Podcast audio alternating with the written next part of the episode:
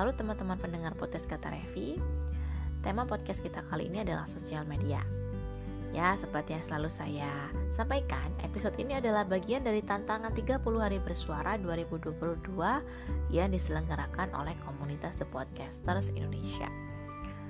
Tema sosial media. Saya jadi tertarik untuk membahas mengenai branding sebagai seorang penulis. Jadi ini akan saya jelaskan berdasarkan pengalaman saya menjadi seorang penulis profesional sejak tahun 2012 ya saya sudah menjadi content writer, blogger, kemudian penulis 17 buku solo baik di penerbit mayor maupun indie dan akhirnya sekarang bisa menjadi writing coach. Bagaimana sih caranya membangun branding agar mendapatkan trust atau mendapatkan profit? Oke, saya akan ceritakan secara singkat, tapi semoga ini bisa menjadi insight buat teman-teman penulis. Oke, jangan di skip, dengerin sampai selesai ya.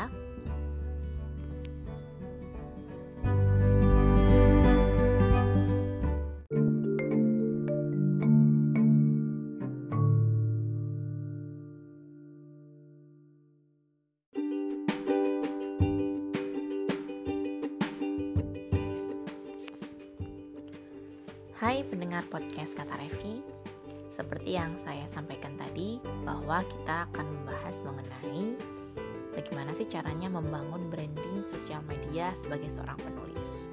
Dan ini adalah pengalaman saya sebagai seorang penulis novel ataupun freelance writer. Saya akan berbicara dalam beberapa bagian.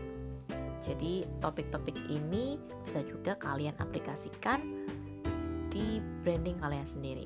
Bisa jadi kalian nggak jadi penulis itu juga nggak apa-apa karena sebenarnya teorinya juga secara umum sih.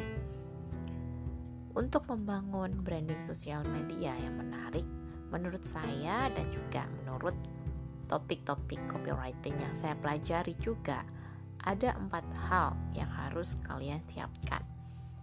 Yang pertama adalah niche atau topik utama kemudian target audience yang nomor dua yang ketiga adalah branding position dan yang terakhir baru kita membahas mengenai rencana kontennya. Untuk membangun branding, kalian bisa menggunakan media sosial apa aja. Seperti Facebook, Instagram, Twitter, atau mungkin podcast. Jadi, apa pun media yang akan kalian gunakan, kalian harus paham mengenai empat hal tadi, mulai dari niche, audience, branding position dan juga rencana kontennya. Jadi jangan berpikir, oh aku harus bikin konten yang seperti ini, seperti itu. Tapi kalau basicnya atau pondasinya belum kalian ketahui, ya jadinya percuma aja sih. Kita akan bahas mengenai niche atau topik utama. Jadi ketika kalian ingin membangun branding, kalian harus tahu dulu nih, apa sih topik utama yang akan sering kalian bahas di akun media sosial kalian. Contoh, misalnya saya sendiri di Revitred.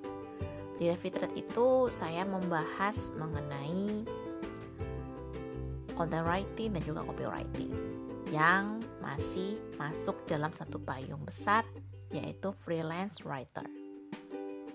Kenapa nggak fiksi? Padahal kamu kan nulis fiksi. Ya nggak apa-apa, karena memang yang ingin saya bangun adalah dua hal tersebut. Saya punya akun personal yaitu Revi underscore Dinar. Di situ saya berbicara lebih banyak karena branding yang saya bangun adalah wordpreneur. Jadi nggak terbatas sama yang namanya ini ya content writing aja, tapi saya juga bahas buku, saya juga bahas buku-buku fiksi saya sesekali di situ. Nah, kalau kalian sudah tahu nih niche kalian apa atau topik kalian apa, kalian akan lebih mudah untuk merencanakan kontennya. Misalnya kalian ingin dikenal sebagai seorang content writer di bidang finansial. Jadi otomatis ya sudah satu akun tersebut khusus hanya membahas soal itu. Gimana kalau saya ingin dikenal sebagai penulis macam-macam kak? Misalnya begitu. Gak apa-apa juga, tapi yang paling penting kalian sudah punya rencana kontennya secara terstruktur.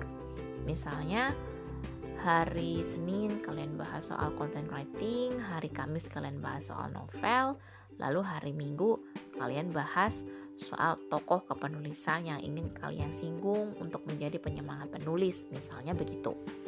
Jadi nggak jauh-jauh dari profesi kalian sebagai penulis. Kalau misalnya kalian punya skill atau layanan tulisan yang memang beragam. Yang paling penting ini udah jelas dulu gitu dari awal. Kalian mau bahas apa? Kemudian yang kedua adalah target audience. Target audience ini sangat penting karena kita akan berbicara dengan tema yang spesifik, otomatis target audiensnya itu juga harus spesifik kalau ada pertanyaan begini loh tapi kan jasa tulisan saya nggak cuma buat satu orang. Ya memang. Jasa kalian bisnis kalian itu memang nggak terbatas untuk satu orang karena memang nggak seperti itu. Tetapi kalau kita bicara branding kita bicara tentang konsistensi. Konsistensi itu bukan cuma konsistensi mengenai konten tetapi juga tentang gaya bahasa. Supaya gaya bahasa kalian tetap tema warna desain yang kalian gunakan itu juga tetap tematik dan eh, nggak uh, berubah-berubah sehingga bisa menjadi identitas kalian. Maka audiens kalian juga harus spesifik. Misalnya kalau di Revitrade punya saya target audiens saya adalah perempuan. Makanya desain-desain saya itu warna putih lalu pink dengan font yang cenderung lucu gitu ya dan gambarnya pun kebanyakan gambar-gambar perempuan. Tetapi yang follow juga nggak harus itu. Yang follow juga bisa juga laki-laki kayak gitu. Jadi saya nggak menutup kemungkinan. Maka dari itu buat kalian yang mungkin sekarang bingung nih kenapa aku mau nulis kayak gimana ya? Tentuin dulu target audiens kalian. Menentukan target audiens itu kita buat gambarannya kalau kalian nulis fiksi itu kan kalian membuat ciri-ciri kemudian latar belakang profesi dan lain-lain. Mirip kayak gitu. Jadi bikin target audience tuh nggak jauh-jauh beda ketika kalau penulis fiksi membuat satu bayangan atau satu tabel karakter. Jadi kita bayangkan mulai dari gendernya atau jenis kelaminnya kemudian profesinya apa tentang usianya misalnya 20 sampai 40 tahunan gitu misalnya. Kemudian mereka bekerja di lingkungan apa, strata pendidikannya itu apa. Jadi nanti kita sesuaikan. Kalau target audiensnya udah jelas, kita masuk ke branding position. Branding position itu adalah bagaimana kamu ingin dikenal oleh followersmu. Apakah kamu ingin dikenal sebagai orang yang ramah, berwawasan luas, atau mungkin kamu ingin dikenal sebagai orang yang kreatif, out of the box, dan juga ngomongnya to the point. Jadi kamu harus tahu nih, kamu memosisikan dirimu sebagai apa? Sebagai sahabat, atau sebagai mentor, atau mungkin karena sasaranmu mungkin adalah korporasi, contohnya menulis company profile. Misalnya begitu, kita ambil perumpamaan. Maka target audiensnya udah jelas nih eksekutif muda misalnya perempuan usia sekian-sekian. Kemudian branding positionnya adalah mereka yang ingin uh, kita guide adalah orang-orang dari kalangan eksekutif atau pekerja maka gaya bahasanya santai tapi tidak ini ya tidak sembarangan gitu. Jadi nggak pakai bahasa lo gue. Branding positionnya semi formal misalnya begitu kemudian desain-desainnya kita buat desain yang profesional misalnya kita gunakan foto-foto orang-orang yang berpakaian rapi kayak gitu. Itu juga termasuk branding position. Jadi image yang ingin kamu bangun itu seperti apa? Baru kalau tiga hal yang tadi yang saya sebutin mulai dari niche atau topik target audience dan juga branding positionnya udah sangat jelas baru kalian mulai mikirin soal rencana konten jadi kontennya kalian itu mau dibuat audio kah di podcast atau mungkin video di vlog uh, yang kalian unggah di YouTube atau mungkin kalian ingin bikin konten-konten pendek dan juga desain visual yang menarik, kalian bisa gunakan Instagram. Atau mungkin kalian lebih suka nulis aja dan uh, lebih suka nulis thread yang panjang-panjang, kalian bisa gunakan Twitter. Jadi medianya itu kalian sesuaikan, kemudian buatlah rencana. Misalnya satu bulan ini aku mau bahas apa ya kayak gitu. Ketika kalian akan membuat konten akan lebih mudah alurnya.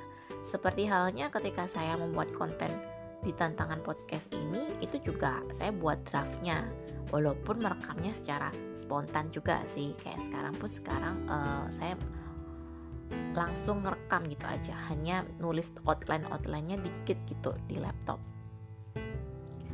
Nah, kalau kalian mau belajar branding lebih serius, kalian juga perlu belajar namanya copywriting. Mau nggak mau, mau kalian nulis di medsos mana pun, copywriting ini menjadi salah satu bagian penting bagi siapa pun yang ingin belajar branding.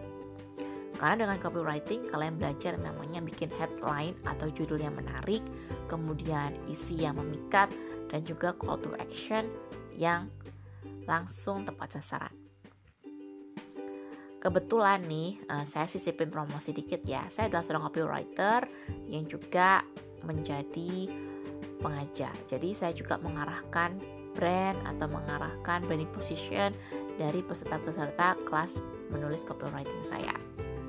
Kalau kalian masih awam dengan copywriting, kalian bisa belajar di Bislab.